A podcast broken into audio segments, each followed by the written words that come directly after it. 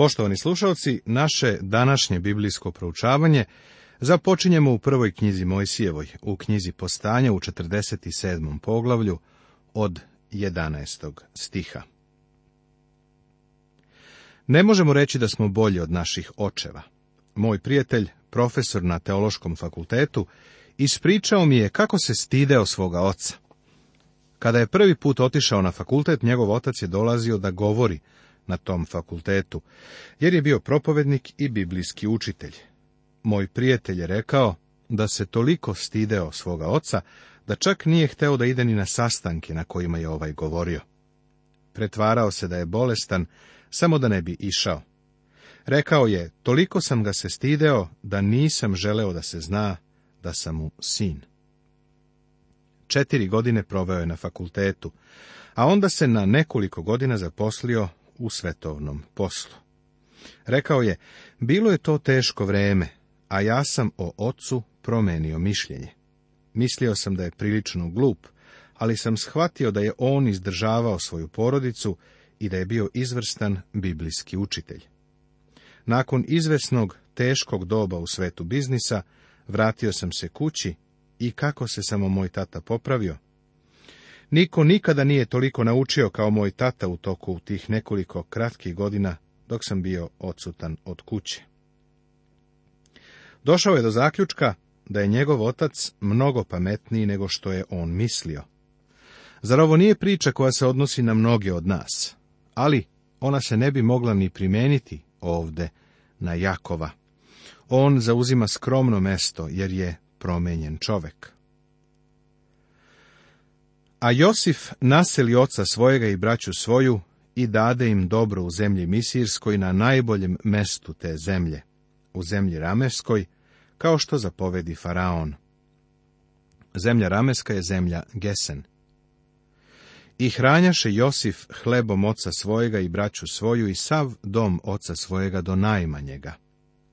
Ali nesta hleba u svoj zemlji, jer glad beše vrlo velika, i uzmuči se zemlja Misirska i zemlja Hananska od gladi. Razlog zbog kojeg su ovdje spomenuti samo Egipat i Hanan jeste to što su ovo dve geografske lokacije povezane sa našom pričom. Da je Jakov sa porodicom ostao u Hananu, pomrli bi. Žito je bilo uskladišteno u Egiptu, ali zemlja ga više nije rađala. Glad se očigledno proširila duž cele Afrike, jer se reka Nil više nije izlivala, što je bilo neophodno za egipatsku proizvodnju žitarica. I pokupi Josif sve novce što se nalažahu po zemlji Misirskoj i po zemlji Hananskoj za žito koje kupovahu i slagaše novce u kuću Faraonovu. Sada dolazimo do nečega zašto je Josif bio kritikovan. Ljudi kažu, da je iskoristio siromaštvo i kupovao zemlju. Drugim rečima, kupovao je zemlju koja je bila data u najam. Smatram da ovakva kritika Josifa nije poštena. Pre svega, on je faraonov predstavnik. Ništa ovo nije za njega. On se ne trudi da se sam obogati. On ni u kakvom smislu te reči nije bio nepošten. Nije sticao nikakvu ličnu dobit od gladi. Ovo možemo ilustrovati ponudom i potražnjom za uranom u Americi u toku rata. Kada su neki ljudi otkrili da se uranijum nalazi na njihovim imanjima, posebno u Arizoni, date im je lepa svota novca za zemlju. Da li su oni iskoristili svoju vladu? Mislim da nisu. Delovao je zakon ponude i potražnje. Čini mi se da je isti zakon delovao i u Egiptu. Josif je kupovao zemlju za faraona, i omogućavao ljudima da prežive snabdevajući ih hranom. Mislim da je Josif ostajao u granicama zakona ponude i potražnje. A kad nesta novaca u zemlji Misirskoj i u zemlji Hananskoj, stadoše svi Misirci dolaziti k Josifu govoreći daj nam hleba. Zašto da mremo kod tebe, što novaca nema? A Josif im govoraše, dajte stoku svoju, pa ću vam dati hleba za stoku, kad je nestalo novaca. I dovođahu stoku svoju k Josifu, i Josif im davaše hleba za konje i za ovce i za goveda i za magarce. Tako ih prehrani onu godinu hlebom za svu stoku njihovu. A kad prođe ona godina, stadoše opet dolaziti k njemu druge godine, govoreći. Ne možemo tajiti od gospodara, svojega, ali je novca nestalo. I stoka koju ima smo u našega je gospodara. I nije ostalo ništa da donesemo gospodaru svojemu, osim tela naših i njiva naših. Zašto da mremo na tvoje oči? Evo i nas i naših njiva, kupi nas i njive naše za hleb, da s njivama svojim budemo robovi faraonu i daj žita da ostanemo živi i ne pomremo i zemlja ne opusti. Tako pokupova Josif faraonu sve njive u Misiru, jer Misirci prodavahu svaki svoju njivu, kad glad uze jako mah među njima. I zemlja posta faraonova. Nema sumnje da je glad užasna stvar. A narod preseli u gradove od jednoga kraja Misira do drugoga. Vladala je velika migracija u urbane oblasti, da bi ljudi bili bliži centru nabavke, mestu gde je bilo uskladišteno žito. Seti se da je Josif na samom početku širom Egipta odredio ove centre. Sada dovodi ljude tu gde će biti blizu mesta snabdevanja. A Josif reče narodu, evo kupih danas vas i njive vaše faraonu, evo vam semena, pa zasejte njive. A što bude roda, daćete peto faraonu, a četiri dela neka budu vama za seme po njivama i za hranu vama i onima koji su po kućama vašim i za hranu deci vašoj. Josif zna da će se glad završiti sljedeće godine, pa kaže ljudima da seju žito. A oni rekoše, ti si nam život sačuvao. Neka nađemo milost pred gospodarem svojim, da budemo robovi faraonu i postavi Josif zakon do današnjega dana za njive misirske da se daje peto faraonu. Samo njive svešteničke ne postaše faraonove.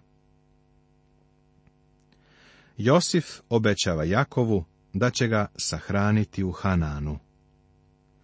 A deca Izraeljeva življahu u zemlji Misirskoj, u kraju Gesemskom, i držahu ga, i narodiše se i namnožiše se veoma i Jakov požive u zemlji Misirskoj sedamnest godina, a svega bi Jakovu sto i četrdeset i sedam godina. A kad se približi vreme Izraelju da umre, dozva sina svojega Josifa i reče mu, Ako sam našao milost pred tobom, metni ruku svoju pod stegno moje i učini mi milosti veru, nemoj me pogrepsti u misiru. Nego neka ležim kod otaca svojih, i time odnesi iz misire i pogrebi me u grobu njihovu. A on reče, učinit ću kako si kazao. I reče mu Jakov, zakuni mi se. I on mu se zakle. I pokloni se Izrael preko uzglavlja od odra svojega. Mislim da postoji nekoliko činilaca koji su uključeni u Jakovljev zahtev da bude sahranjen u Hananu. Pre svega, Sada mu je 147 godina i uznemiren je što će umreti u Egiptu. Mislim da mu je to jasno. Zatim Josifov uspeh u tome što je celu zemlju zadobio za faraona, čini da veruje da će se možda njegova porodica odomaćiti u Egiptu i da više nikada neće željeti da se vrati u Hanan. Njegove godine mu zasigurno govore da će još kratko živjeti. Treba da shvatimo da je ovaj zahtev dokaz Jakovljeve vere u savez koji je Bog sklopio sa njihovim očevima. To treba da zapazimo, jer će se ovo pojavljivati nekoliko puta dok budemo proučavali sveto pismo. Nada staroga zaveta je zemaljska nada. Avram je verovao da će u toj zemlji biti podignut iz mrtvih, pa je želeo da tu bude sahranjen. Isak je to isto verovao. Sada i Jakov izražava istu veru. Vidiš, nada u starom zavetu nije bila to da se bude podignut u oblake, na susret sa gospodom i ulazak u Novi Jerusalim, što je trajno prebivalište crkve. Nada starog zaveta je u Hristovom carstvu, koje će biti uspostavljeno na ovoj zemlji. Kada se to desi, Velika nada Izraela će se ispuniti i ovi ljudi će biti podignuti iz mrtvih za to carstvo. Prvih hiljadu godina bit će vreme ispitivanja, a nakon toga večno carstvo će trajati. Zato Jakov ne želi da bude sahranjen u Egiptu. Da nije imao veru ili nadu u obećanje koje mu je Bog dao, šta bi mu značilo gde će biti sahranjen? za današnjeg vernika nema veze gde je sahranjen. U vreme vaznesenja, gde god da smo, bit ćemo podignuti i naša tela će se spojiti sa našim duhom, ako smo umrli pre vaznesenja crkve. Ako još uvek budemo živi, bit ćemo promenjeni i podignuti u oblake u susret gospodu. Tako, neće biti nikakve veze da li smo sahranjeni u Egiptu, Hananu ili Los Angelesu ili Timbaktu živi u Hristu i mrtvi u Hristu, na svim ovim mestima bit će podignuti. Ništa neće značiti to gde se nalazimo. Ne treba da idemo na lansirnu pistu u Floridi i da odatle krećemo, ne. Naša nada je nebeska nada. Nada starog zaveta je zemaljska nada, a činjenica da Jakov želi da bude sahranjen u svojoj zemlji jeste dokaz njegove vere u vaskrsenje. On se nada da će biti vaskrsnut iz mrtvih u obećanoj zemlji. Jakov je postao čovek vere. Poglavlje 48. Ovo poglavlje nam govori o Jakovljevoj posljednjoj bolesti i o tome kako blagosilja dva Josifova sina. U poslanici Jevrejima u 11. poglavlju Svetoga pisma Novog Zaveta piše Verom je Jakov umirući blagoslovio svakog Josifovog sina i pokloni se duboko preko vrha svoje palice. Ovo poglavlje nam pruža još jednu priliku da sagledamo druge dokaze Jakovljevog duhovnog rasta. On je prevalio dug, dug put od svojih ranih dana. Možemo smatrati nesrećom što ove osobine koje se pojavljuju u posljednjim danima Jakovljevog života, nisu bile prisutne ranije. Ali, zar nije divno biti u mogućnosti da se u ovome uvidi kako je duhovni život, rast i razvoj? To nije neko uzbudljivo iskustvo koje se desi u jednom trenutku života, nego se u pismu opisuje kao hodanje u duhu. Kada je Jakov bio mladić, u njemu je bilo previše stare prirode – a nova priroda se nije razaznala ni uočila sve dok nije ostario. Jedan lepi mladi par u Memfisu u državi tenesi u SAD-u izašao je napred posle službe u crkvi. Pitao sam ih zašto su izašli napred. Rekli su da žele sve što Bog ima za njih. Uvideo sam da izlaze napred svake nedelje. Mislio sam da će imati neko uzbudljivo trenutno iskustvo koje će ih nekako odjednom učiniti potpuno uzraslim, zrelim hrišćanima. Pismo nam kaže, rastite u blagodati i poznanju gospoda našega i spasitelja Isusa Hrista. Ovo je zapisano u drugoj poslanici Petrovoj, u trećem poglavlju, u osamnestom stihu, svetoga pisma Novog Zaveta.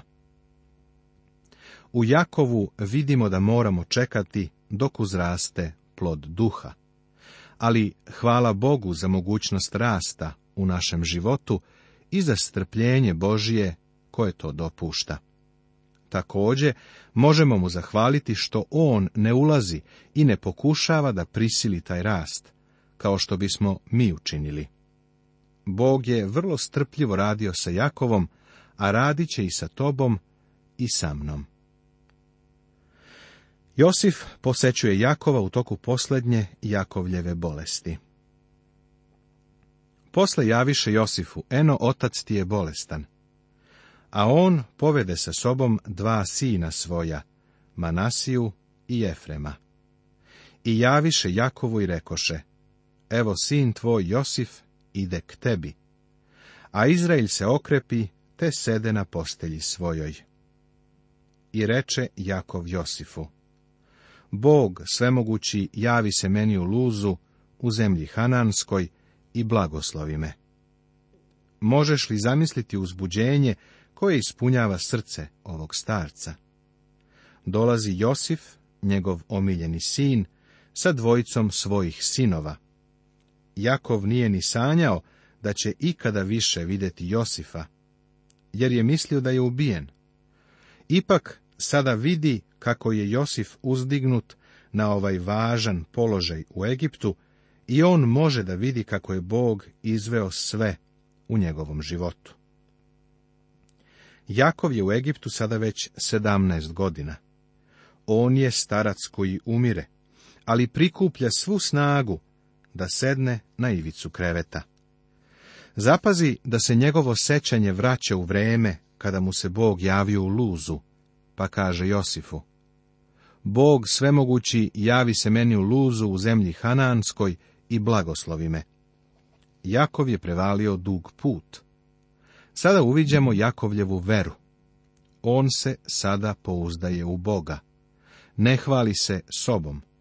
Kao mladić bio je pametan i mogao je da dobije sve što je želeo, ili je bar tako mislio, a da bi to dobio, upotrebio bi bilo koji metod ali sada, kada se osvrće na svoj život, seća se kako mu se Bog javio u vetilju oba puta. I kada je odlazio iz Hanana i kada se vraćao. On kaže, Bog mi se javio i blagoslovio me.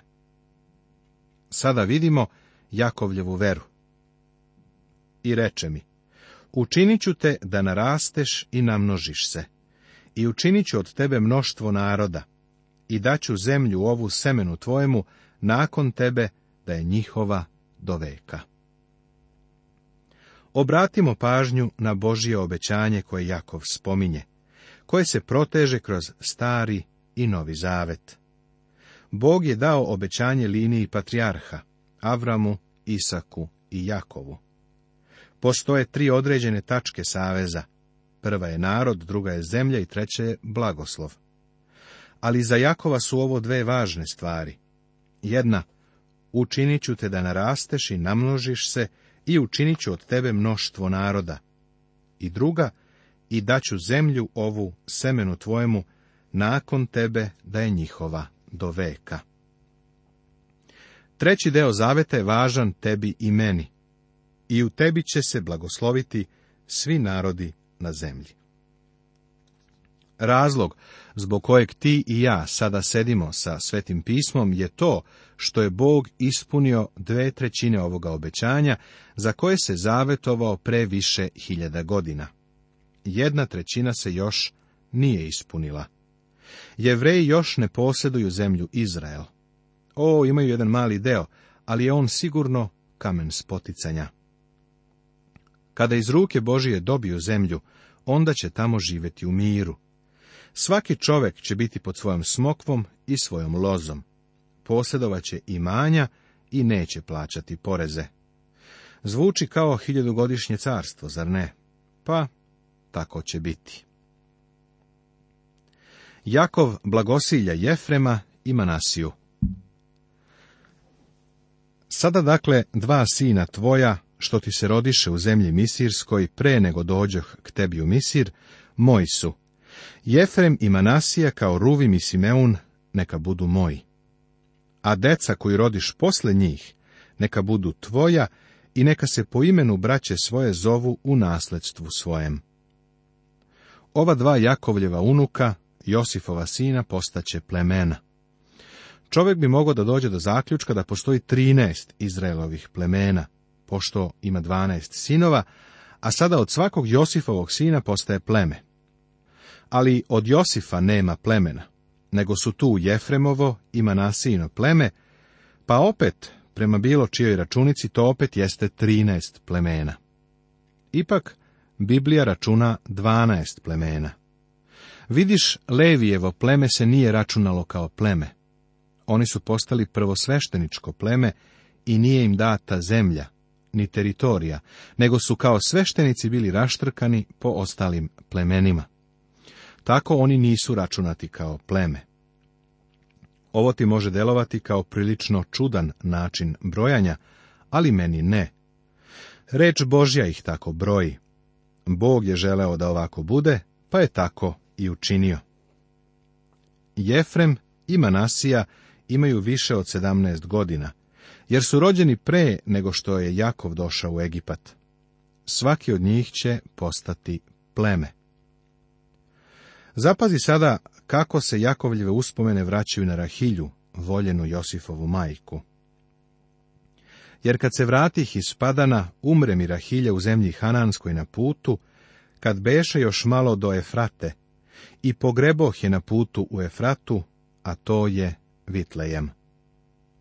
Prijatelju, kada ti i ja pevamo božićne pesme o malo mesto Vitlejem, mislimo na Isusovo rođenje, ali da Jakov može da nas čuje, on bi pre svega mislio na smrt njegove voljene i lepe Rahilje. Evo ga na samrtničkoj postelji, a misli mu se vraćaju ka mestu gde ju je sahranio.